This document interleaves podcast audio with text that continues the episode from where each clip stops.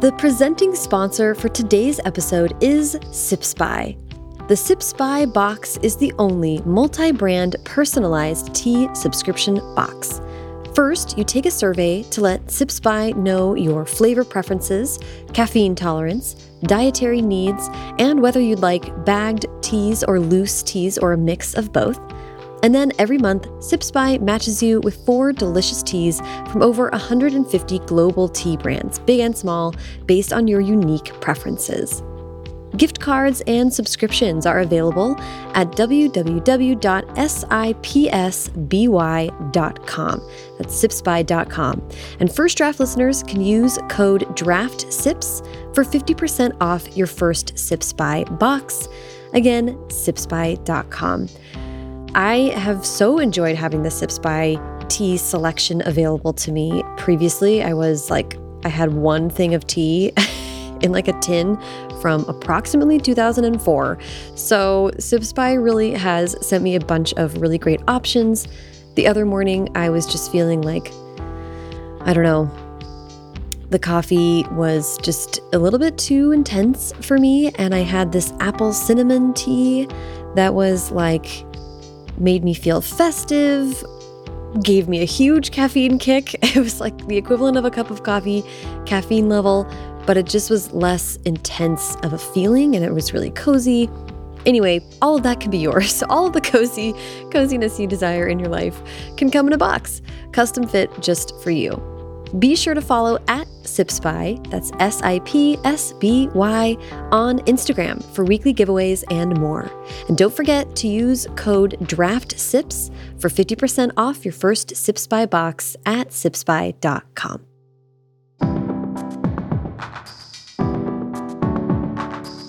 Welcome to First Draft with me, Sarah Enni. This week, I'm talking to Jodi Picoult, number one New York Times bestselling author of 27 novels, including My Sister's Keeper, 19 Minutes, Small Great Things, and two young adult novels with daughter Samantha Van Leer, Between the Lines and Off the Page. She joins us today to talk about her latest, Wish You Were Here. Wish You Were Here is a novel set in recent history. It's about the pandemic. It takes place in a couple of months in spring 2020. And I really appreciated what Jodi had to say about how every writer is going to have to grapple with the pandemic in their writing. She also covers how she interviews people for research. Jodi is a huge researcher for her books, and she does a lot of first person interviews, and that's a very complex thing to do. So I appreciated her insight on that and her reflecting on how she can track what her biggest concerns in life were by looking at her published works. And I really dug her talking about planning an in person book tour to help her readers move forward as we kind of move out of the pandemic or live with the pandemic. Um, it's a really interesting conversation. I love what she had to say. If you enjoy First Draft, there are a lot of ways to support the show. You can join the First Draft Patreon, where for 5 or $10 a month, you'll get access to an exclusive community forum. Uh, that's a Discord where we are encouraging each other. We all just kind of sprinted across the finish line of NaNoWriMo, and we're sharing a lot of playlists and talking about the scholastic succession drama, etc., etc. Lots of fun stuff.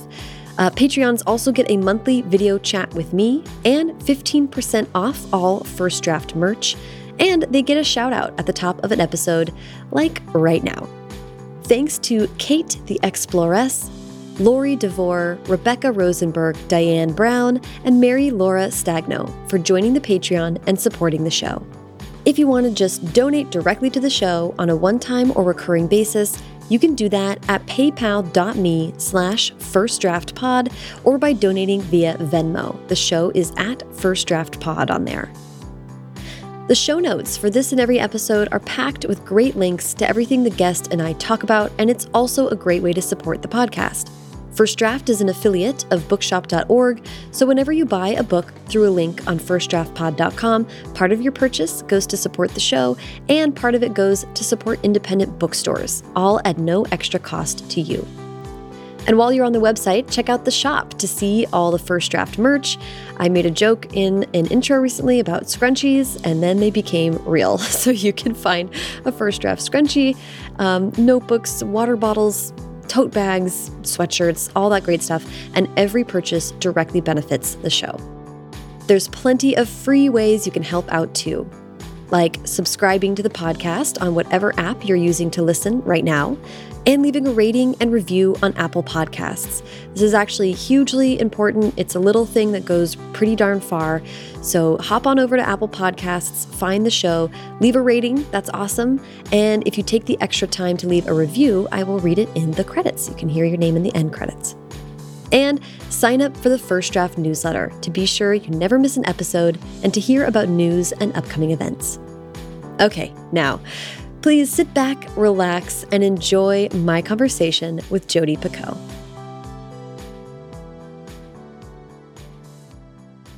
All right, hi Jodi, how are you doing today? I'm great.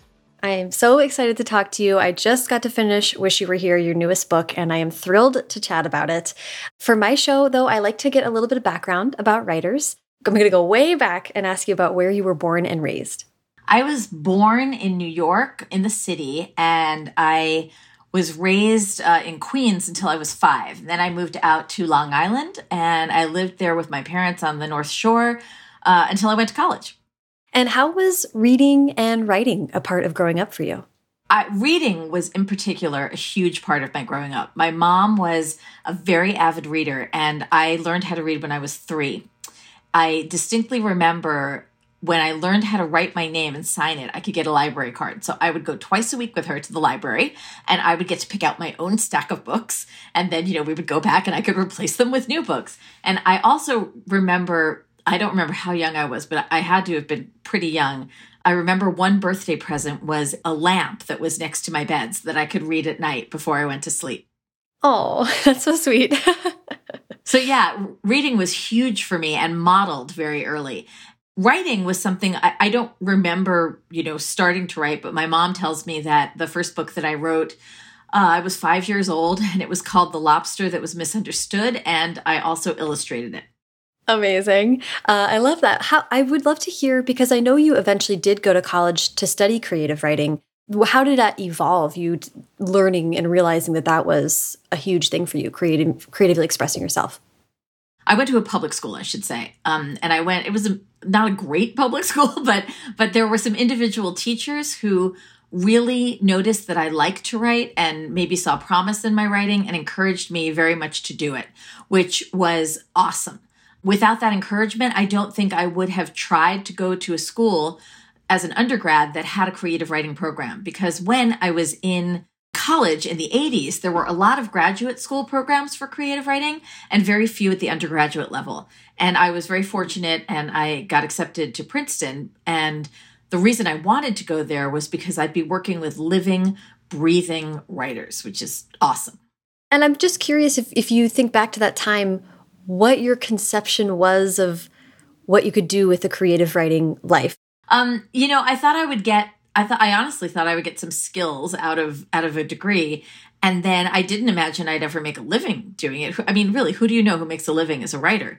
Basically, I graduated from from Princeton and I did not get a job in editing, which is what I think almost everyone else did who was in the creative writing program. They were making $13,000 a year and getting coffee for editors and I was like, mm, can't live in New York on that. And I was hired by Salomon Brothers, which is actually a fi- it was a finance company.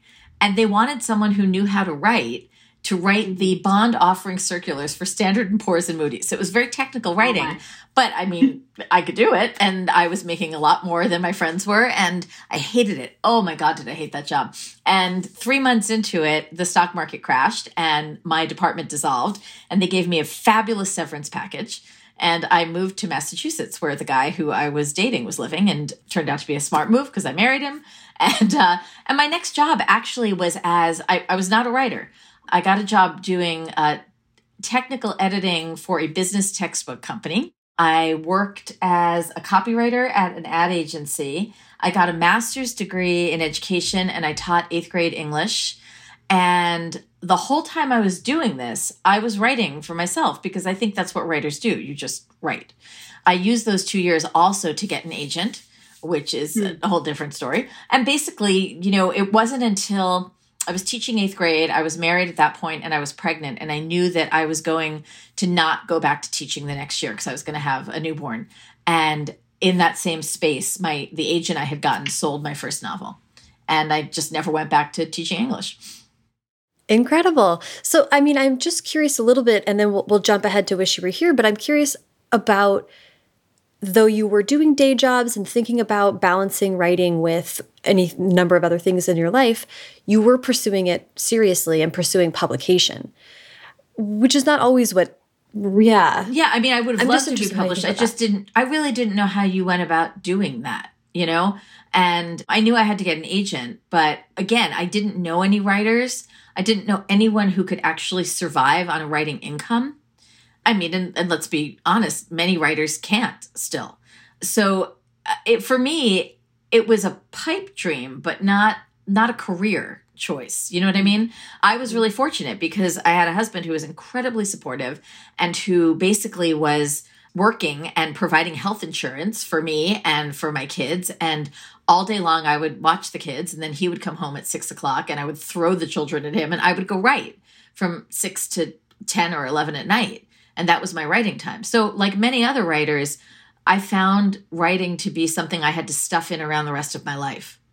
But if you don't make the time for it, then you're never going to know if you can make it. Right. Right. And that was so your first book. Uh, I'm looking over here at my notes, and half of my notes are listing all of your books. and your first book, Song Songs of the Humpback Whale, came out in 1992. And you've published almost every other year or every year since then. I'm so curious, and we're, we're jumping way ahead here, but I'm just curious. You mentioned your husband and, and balancing things with family life. And at some point, your husband enabled you to write full time, and you had to make choices as a family to further your career. I'm so interested in what the thinking and talking and conversations were around that choice. Sure. We, you know, like I said, for us, healthcare was the biggest stumbling block because that was before we had Obamacare and uh, we obviously don't have universal health care in the US yet. And uh, we needed it. And especially, I had a son who had multiple surgeries for congenital tumors in his ears. And so it was always a, a thing. And he was working as a sales manager and he was doing all kinds of different things with startups and with existing companies anything that he could do to make sure that we you know we had our health insurance at that point my kids were in school during the day and i remember the the crux for us was that my books started to do well. They made it to bestseller lists. And at that point i was being asked to tour to promote them. And i couldn't as the primary caretaker go away for three weeks at a time or longer. And we had a long talk about it. And he decided that he would be the one to stay home and that I would be the one to be the breadwinner and to go out and do the research that I needed, but also the promotion that I need. I think a lot of writers don't think about the promotion aspect of writing. And you are your own best salesman. And if you are fortunate enough to have a company that wants you to, you know, be the foot soldier on tour, doing that if you're engaging to a crowd is usually a really good idea. So I was really lucky to have that opportunity and then to have the support system that I needed behind me to make it happen. Yeah, it's incredible. You know, it's sort of this is being a little reductive, but it does feel like a dream. like I, I'm a single woman writing books, and I'm like, wow, that would be really amazing. Well, we've had a lot of white men in the literary canon who all got to where they are because somebody else was watching those families you know mm-hmm. so every time that i get asked about you know the choice that i made and and the way my family handled it i always think hmm i hope you're asking this to the guys too you know? Because right. you really should be. Right. Yes. No it's it's i love that you are out here modeling another way which is wonderful. I want to jump all the way ahead to Wish You Were Here. I'm going to ask specific questions about that book and also kind of talk about how you've handled some similar things like research uh, uh, along the course of your entire career. But before I jump into specific questions, would you mind giving us the official pitch for this book, please? Sure. So, um, Wish You Were Here is about a woman named uh, Diana O'Toole who is just about to turn 30 and is a planner and has her whole life unspooled knowing exactly what direction she's headed in. She works as an art specialist at Sotheby's, doing her dream job and acquiring art. uh, for auction. She has an amazing, perfect boyfriend named Finn, who is a resident at Columbia Presbyterian. She can tell you exactly when she plans to have her family and where they're going to live and what the names of her children are going to be. And she thinks that Finn is actually going to propose to her on a vacation they are about to take to one of the bucket list destinations for everyone, the Galapagos. The book opens on March 13th, which is the day that New York City shut down because of COVID. And Finn is told he is not allowed to leave the hospital because of what they think is coming. But the trip is paid for. So he says, You should go without me. And Diana goes to the Galapagos, and all of her best laid plans go awry when she gets there and is told the island is closing down. The island is shutting down for two weeks. And she makes the decision to stay on the island, although her lodging has been compromised and there's no cell service and she has a lot of trouble communicating with back home. But she figures, well, two weeks is two weeks. And of course, two weeks in COVID turned into months at a time. And so she finds herself alone in this space where Charles Darwin discovered the theory of natural selection and the concept of how hardship makes a species adapt for survival. And she begins to change herself and evolve. Incredible. I love that. Um, thank you for that. So this book and the and what you are tackling within it is about many things, but it is taking place during the global pandemic and the onset of it, which is very recent history. I wanted to start the conversation by asking about your experience and what what your personal journey during the pandemic has been. My experience was wild because I have asthma and so I was terrified at the beginning of the pandemic, I really thought, well, my lungs don't do well on a good day. So if I get COVID, I'm going to wind up on a respirator. And I was really, really scared about that. So the last time that I went out in the real world was the week of March 7th.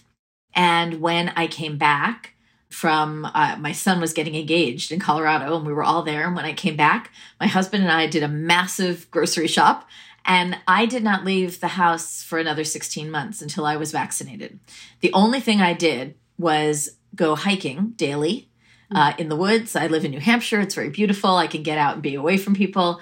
And um, sometimes I would meet up with friends in the woods and we would walk six feet apart outside. And that was it. That was the only thing that I did. And it was very scary and very limiting for someone who is constantly, you know, on the run so I I learned a lot about myself during the pandemic. You know, I'm a total control freak, which I think I knew, but I didn't realize how upsetting that was until I had zero control. There was nothing I could do. And I found myself very angry and frustrated and bitter. And I didn't know how to move forward through a pandemic. I couldn't even read at the beginning of it. I would get through a page and I would get so distracted or be thinking about the news or worried. Basically, what broke me out of my reading slump were romance novels. And in retrospect, it's because I needed a happy ending. We all did. So God bless those romance writers, you know. And um, the other thing that I started doing was working. I was contracted to write a book with Jenny Boylan to co write it for 2022 release. And Jenny contacted me at the beginning of the pandemic and said, Hey, my schedule is suddenly clear. How about you? So we decided we were going to try to write a book called Mad Honey, which will come out in 2022. And it was great for me because I really learned how to, I, I went, relearned how to be myself, how to do research online this time, how to write, how to organize a book. It gave me purpose to be writing. And I finished it. And then I was like, okay, now what? Wish You Were Here was not a book that I wanted to write or was contracted to write. I started writing it in November of 2020. Again, we did not have vaccines yet. I had no idea what the future was going to hold. We just knew they were coming. And I wrote it because I couldn't remember who I was. And going up to my office every day to make sense of what the past year had been gave me a purpose I didn't have. I wasn't really thinking about it for publication. I was thinking this is, you know, this is for me. When I finished the draft, which was uh, a record, I think I wrote it in two months, I gave it to a couple of writer friends to read. And they both said almost the exact same thing, which was, oh my gosh, this felt like the hug I couldn't get in 2020. This was validation of everything I felt. And it was that for me. That was why I've written it. It was really therapy, you know, on a keyboard. And I started to think, wow, what if this isn't therapeutic just for me? What if it's for other people too? So I sent literally, I sent an email in the beginning of March to my editor and I attached the manuscript and I said, surprise, because she didn't know I was writing this book. And she read it and said, oh my God, I think we have to publish this now. And Ballantine Books has broken, I'm convinced, a land speed record getting this book out in a matter of months because it's hard to make all those moving parts, you know, come together, especially during a pandemic because we are still in the pandemic, you know. So um, it's been a remarkable ride, and uh, and it really has taken an entire army to get the book out there. Yeah, that's an incredible story. There's a couple things I want to pick out in there, but just from a really practical standpoint, I think this would qualify as a crash publication. Is that right? Or would you not use that term? I've never even heard that term, but okay, oh, sure. Oh, that's what I heard referred to with uh, like o Obama's book or something, where just they're they're like, okay, we want to do this in a few weeks, so we're gonna just oh yeah, probably. get it through as I mean, quickly as possible. I think that's fair. sure, they they probably would consider it that. Yeah, and that's an interesting question because you know there is a question of like when is it right to write about a pandemic, right? should we be writing about it now? We are still going through it. And to be totally honest, my feeling is that if this book waited until after the pandemic, it would be too late because people are going to want to put this behind them very, very quickly. This book is a cautionary tale about not putting things behind you too, too fast, making sure that we take what we've learned and apply it to our lives. It is a blueprint for me on how to move forward, and I hope it becomes that for other people as well. I would not be publishing this book, however, if we had not seen vaccines come into fruition and become widely available in this country, because that gave hope. And there is a light at the end of the tunnel now. And because of that, I believe it's exactly the right time to publish this book. Yeah, and I really appreciate you, you saying that because something that you, you you say you started writing it that's exactly a year ago, November 2020. With my friends and I, we've recently been doing a little bit of looking back recently it was the anniversary of the day that uh, we officially just you know joe biden was officially announced as president. It was the year anniversary of the four seasons landscaping. There was a lot of the anniversary of the day that, that announced that trump got covid. And those things made me go back in time to that moment when as you say there was not vaccines yet. We did not know. I mean we still don't know a lot of things but then we knew even less. And it was just difficult to really clear-mindedly return to that time. And and you in that time were confronting it head on in your fiction. I'm just so interested about what emotionally was that more cathartic than it was painful or how did, how was that for you as a writer emotionally? For me it was more um, practical.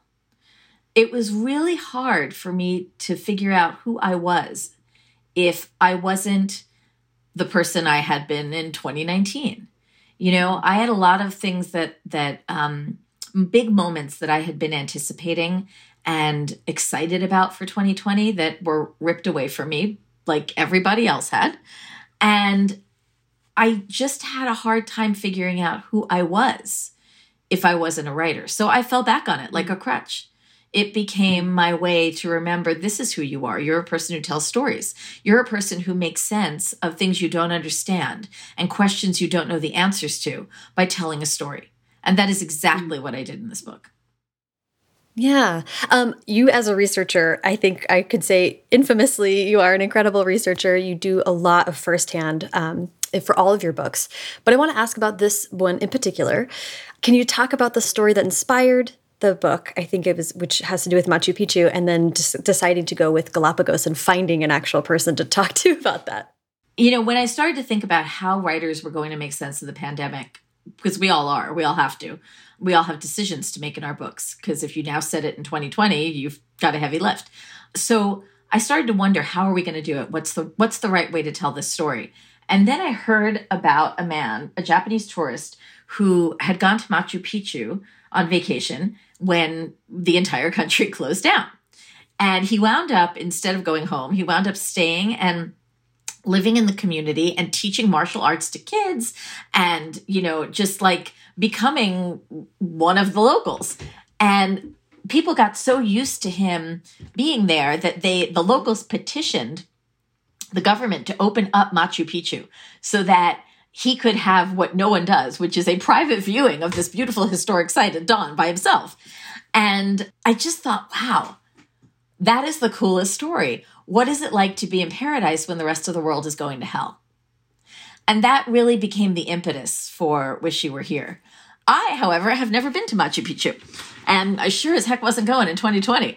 So I needed to think of another bucket list destination, and and I have been to the Galapagos. Years ago, I took my kids there when they were little, and I pulled out all my old albums and I looked at the pictures and tried to remember everything that we had seen and learned and and I started to realize, you know, oh right, Darwin. Yeah, yeah, yeah, yeah. This is this is the place where we started to look at survival of the fittest and about adaptations and what happens in hardship and how individuals and species change so that they have a better chance of surviving.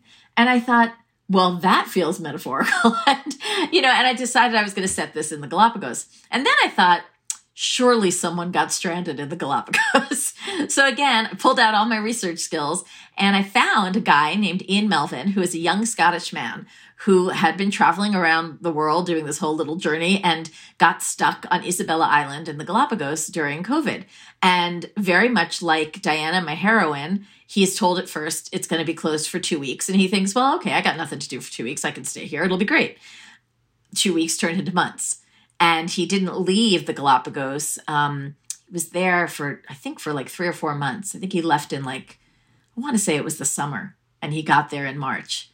I tracked him down and he was delighted to do an interview with me and also put me in touch with the people who had helped him um, and housed him and became friends with him during the time he was stuck on Isabela, um, one of whom worked for the Darwin Society in the Galapagos, and the other one uh, who, or the Darwin Institute, I think, um, the other one who is a national park ranger in the Galapagos. So I had resources suddenly that I really needed to make it, you know, pop off the page and be realistic. I love that. I love that you found you found the person or one of the people um, who had that experience. I want to ask uh, about interviewing people, but I also just want to mention you you spoke to many other people as research for this book, including first responders and doctors who were on the front lines of this. Again, thinking about other writers who I hope you know, first person interviewing is crucial. It just read it leaps off the page in your book. It just really makes it absorbing. But it, that's a skill unto itself. So as an interviewer, I have utmost respect for, you know, like talking to people can be, there's a lot of stuff around that. So I just want to ask as a writer, how you prepare yourself to talk to someone who has had a really difficult experience that you want to mine. I mean, first of all, I think very hard about what questions I'm going to ask, and I make a list of them. And sometimes questions breed more questions. I also am very sensitive when it's a difficult subject matter uh, to letting the interview subject know if this is not comfortable for you, you don't have to answer. Because you always kind of go with where they are. Some people are better than others. Some really want to unload and, and unburden, and others don't. Some, the emotion comes through, and sometimes it's flat. I can always tell in about 10 minutes if I'm going to be using the interview or from not, but I always complete them. And, um, you know, for the first responders, there was such a compulsion among the people I spoke with to tell this story because the disconnect between what they were experiencing on a 36 hour call shift and then what they saw when they walked outside and we're seeing people not wearing masks and the president saying drink bleach and you know things that made no sense to them. It was just so jarring.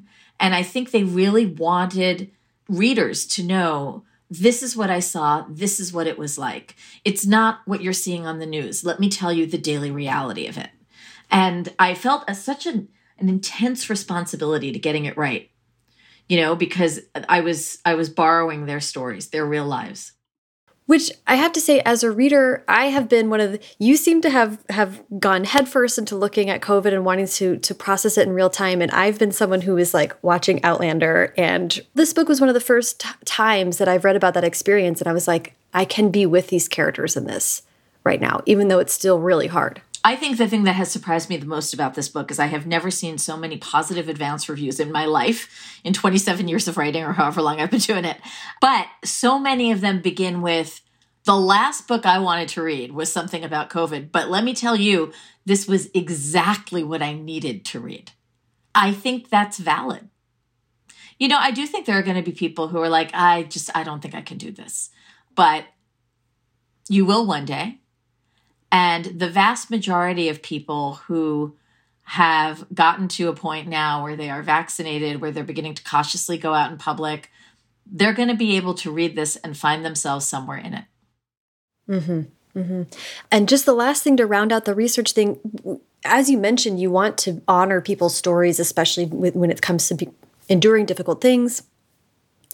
How do you talk to your interview subjects about how you may or may not use their stories in fiction because it's, you know, as we're writers, it's hard to promise how something's going to turn out. We don't always know. I make sure that people know and, and most at this point I'm pretty lucky because most people know my name and they know what kinds of stuff I write. So I, I explain to them that it's not going to be verbatim and it's not going to be their story. It's going to be mm-hmm. co-opted by a fake character, and, you know, and given to that character in the context of a story. And it might be a piece of something they told me, married to a piece of something someone else told me. Mm-hmm. One of the things that was really interesting about this book, again, you know, that sense of a mantle of responsibility that a writer wears. I did a lot of interviews too with people who had survived a particularly difficult bout of COVID, people who survived ventilation. And they were even more insistent on making sure people knew their stories because all we heard about in the news was that everybody was dying.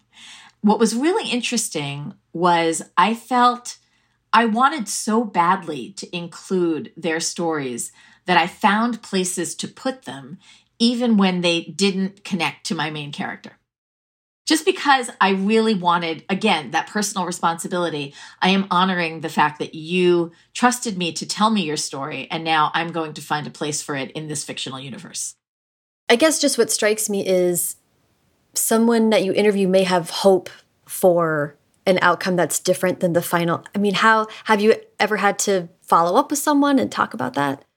I mean, you know, they know that I'm going to use it in some way. The only time I do follow up is if I want to use something that verbatim they said, I always make sure to check and, and see if that's okay. That's good to know. I want to ask about, uh, well, first of all, I just want to reflect on the fact that in reading the book, I think part of the reason why I was able to go with you through the really difficult, sort of gnarly hospital parts that we talk that we are in was that the Galapagos was I just felt like the joy in your describing I mean the the environment and I want to I want to reflect that the last couple books that you've written the book of two ways and wish you were here now are a lot about looking back and reflecting and it's interesting to me that you were looking back on a trip you took many years ago and were sort of vividly living in that world through these descriptions. I just inter- I'm interested in what that was like for you. For me, it was really hard to rechannel that because it was a long time ago.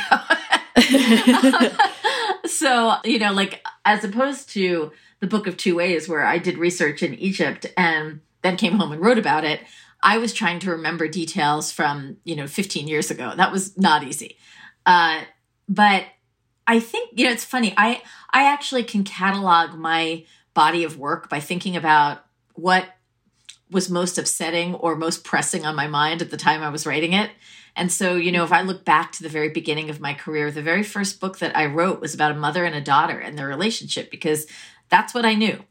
And then I moved on to the relationships between men and women. And I looked at whether they're 50 50. And I looked at the different kinds of relationships that you can have.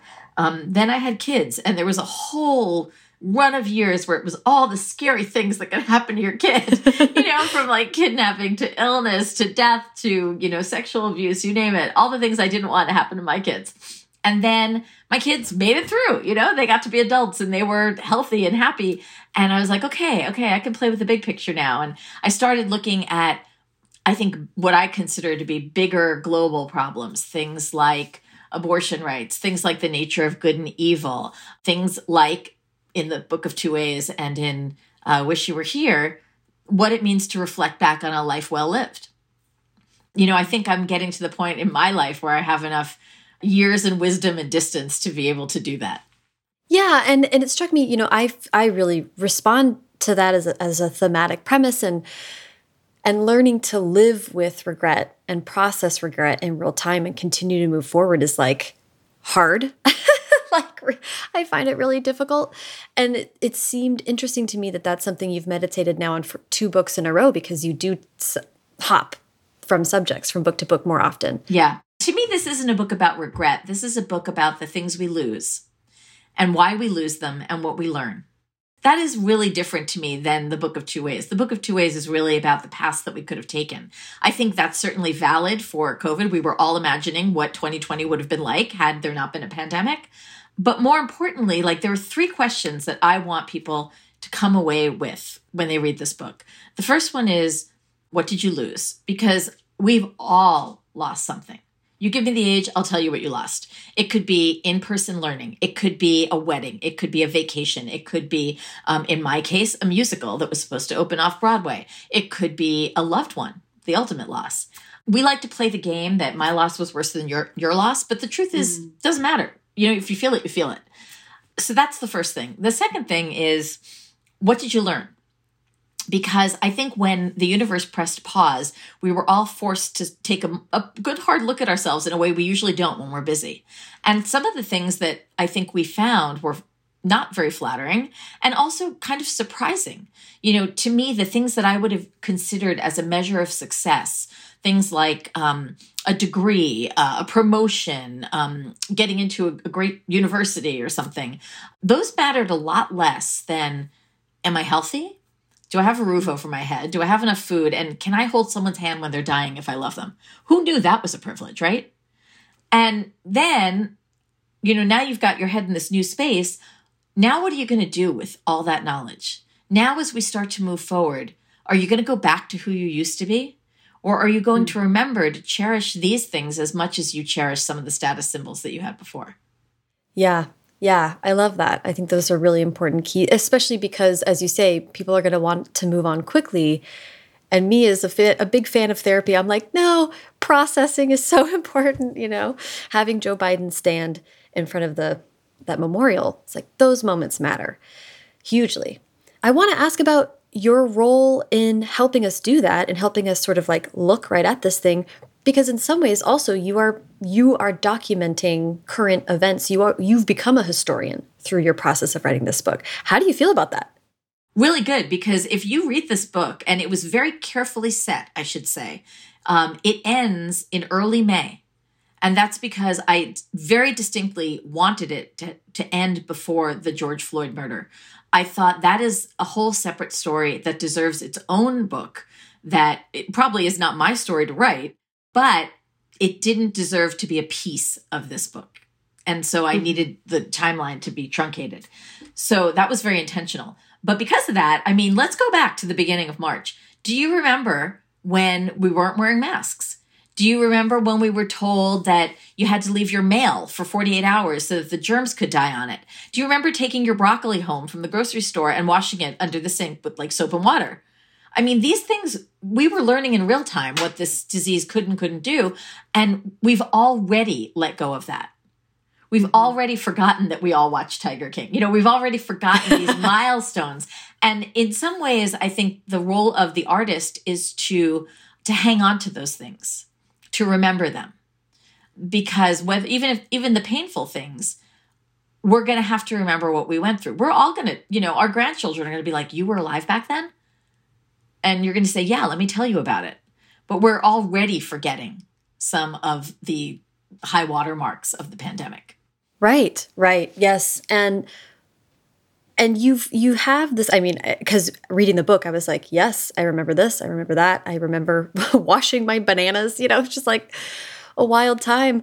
And and you now have i just wonder like on a really practical level i'm also thinking as someone who records interviews like this i'm like it seems to me like you have a body of work that should go into the National Archive or should be like, I mean, you know, we're going to need to be collecting these stories. I started keeping a journal when this all happened because I was like, I want to donate this one day. And even the most minute things about my day to day life will be of historical interest. It's funny you should say that because um, one of the other types of writing I do is writing librettos for Broadway bound musicals. Mm. And this year, when Broadway shut down, it was really a dark time for a lot of performers and, and writers and artists. And my co writing partner and I, Tim McDonald, decided that we really wanted to chronicle in real time what was going on. And we uh, developed a musical that was five vignettes linked together by five different writing teams that looked at couples and how they were affected by this pandemic. And some of the things were sublime and some were funny and some were tragic. And it's very different from Wish You Were Here, but it, it treads through the, pan- the same pandemic. And I'm really proud of it because we not only did we manage to pull this off and film it and stream it during a pandemic when no art was being created in that medium, uh, we employed over 100 people in the industry. And the Library of Congress reached out to us and asked to include it in their archive of art that was created during the pandemic. So I was like, all right, I did something good. right. And like knowing that they're keeping track of all of our tweets, I'm like, no, this is more this is more important. Uh, um, I'm glad you brought up the musical. Can, can you just briefly tell listeners where they can find that or if they can still listen to that music?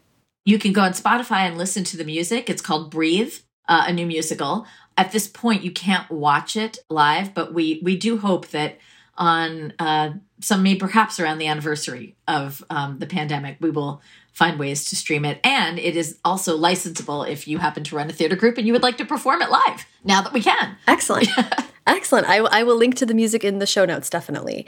Um, and I want to, you know, this is something I'm asking friends and I'm thinking about all the time. And you are kind of someone who is sort of absorbing and processing this moment we're in, and I think in a lot of ways pivoting us going forward. Do you have any thoughts or inklings or predictions on what might artistically come out of this? What kind of trends or what kind of art we might anticipate seeing coming forward out of this?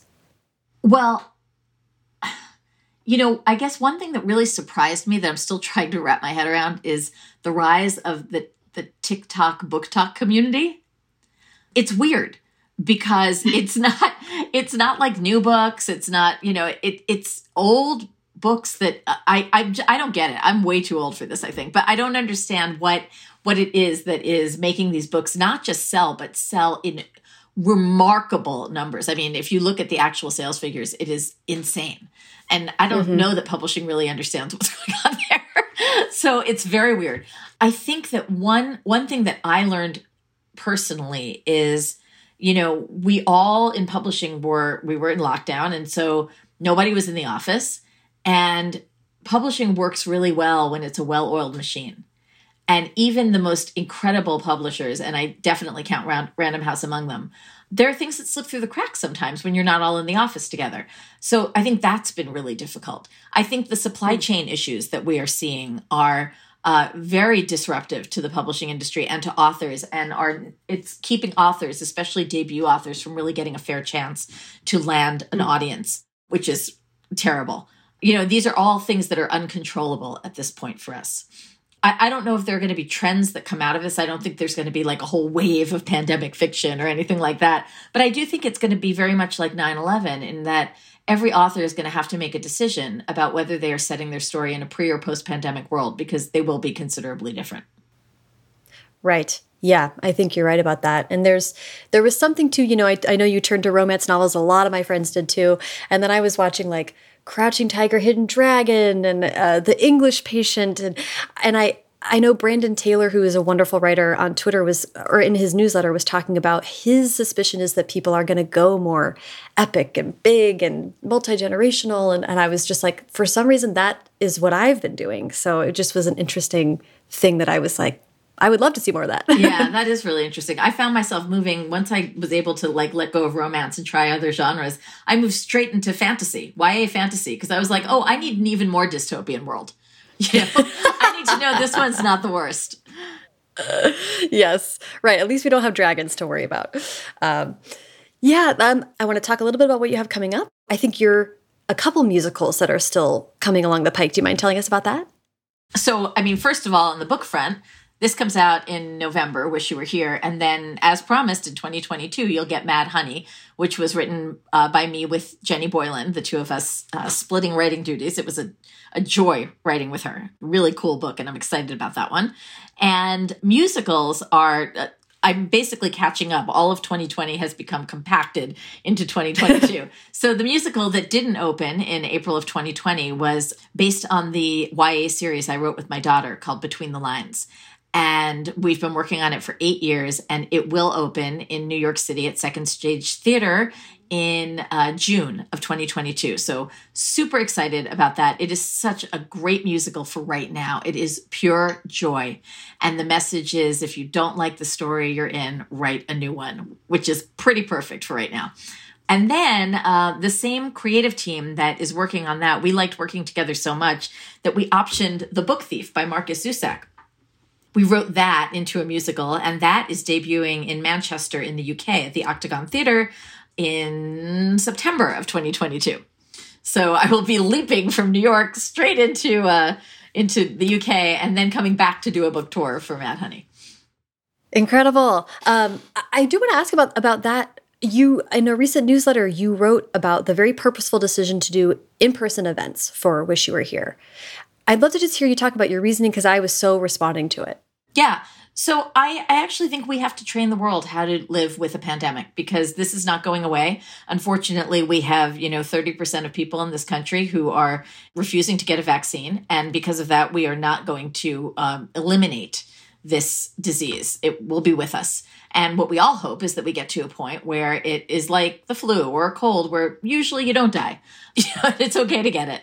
Uh, but we're not there yet. So I think we need to train people how to go back out into the world in a way that is safe. And to that end, I thought, what could I do that makes me feel safe but allows me to interact with my readers again? Because Zoom events are deadly and not fun. And I, I think a lot of us want to get out so I said, okay, if I were doing an event and everybody showed proof of vaccination and also was masked, I would feel okay in a room with those people. I think they would feel safe too, knowing that we are all in that same boat. Is there a risk? Yes, there is. Is there a terrible risk? No, there is not.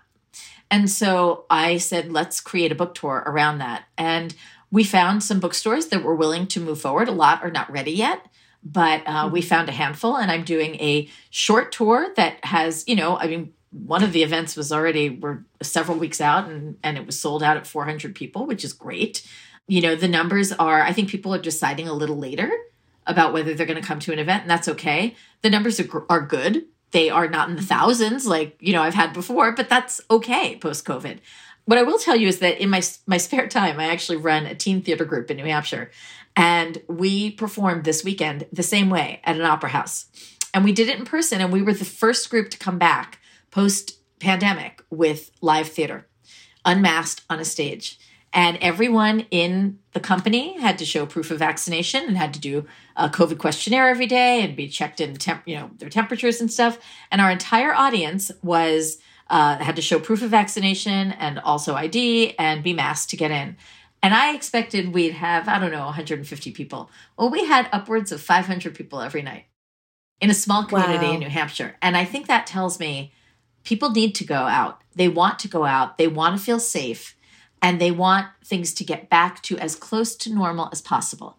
And right now, that means going out, but doing it in a way where you're not putting yourself at tremendous risk.